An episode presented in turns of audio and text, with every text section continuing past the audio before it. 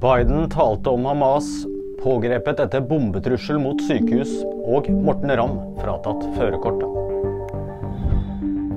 Hamas og Putin representerer different threats, but they share this in common. Democracy. Det sa USAs president Joe Biden om situasjonen i Midtøsten i en tale fra det ovale kontor i natt. Biden sa han vil be Kongressen om milliarder av dollar i militær støtte til både Israel og Ukraina. Bombetrussel mot sykehus i Trondheim. En mann i 40-årene er pågrepet etter en bombetrussel mot St. Olavs hospital. Politiet sier det ikke er noen fare for publikum. Driften ved St. Olavs hospital går som normalt. Morten Ramm har mistet førerkortet. Det kommer fram i VG-podkasten Enkel servering.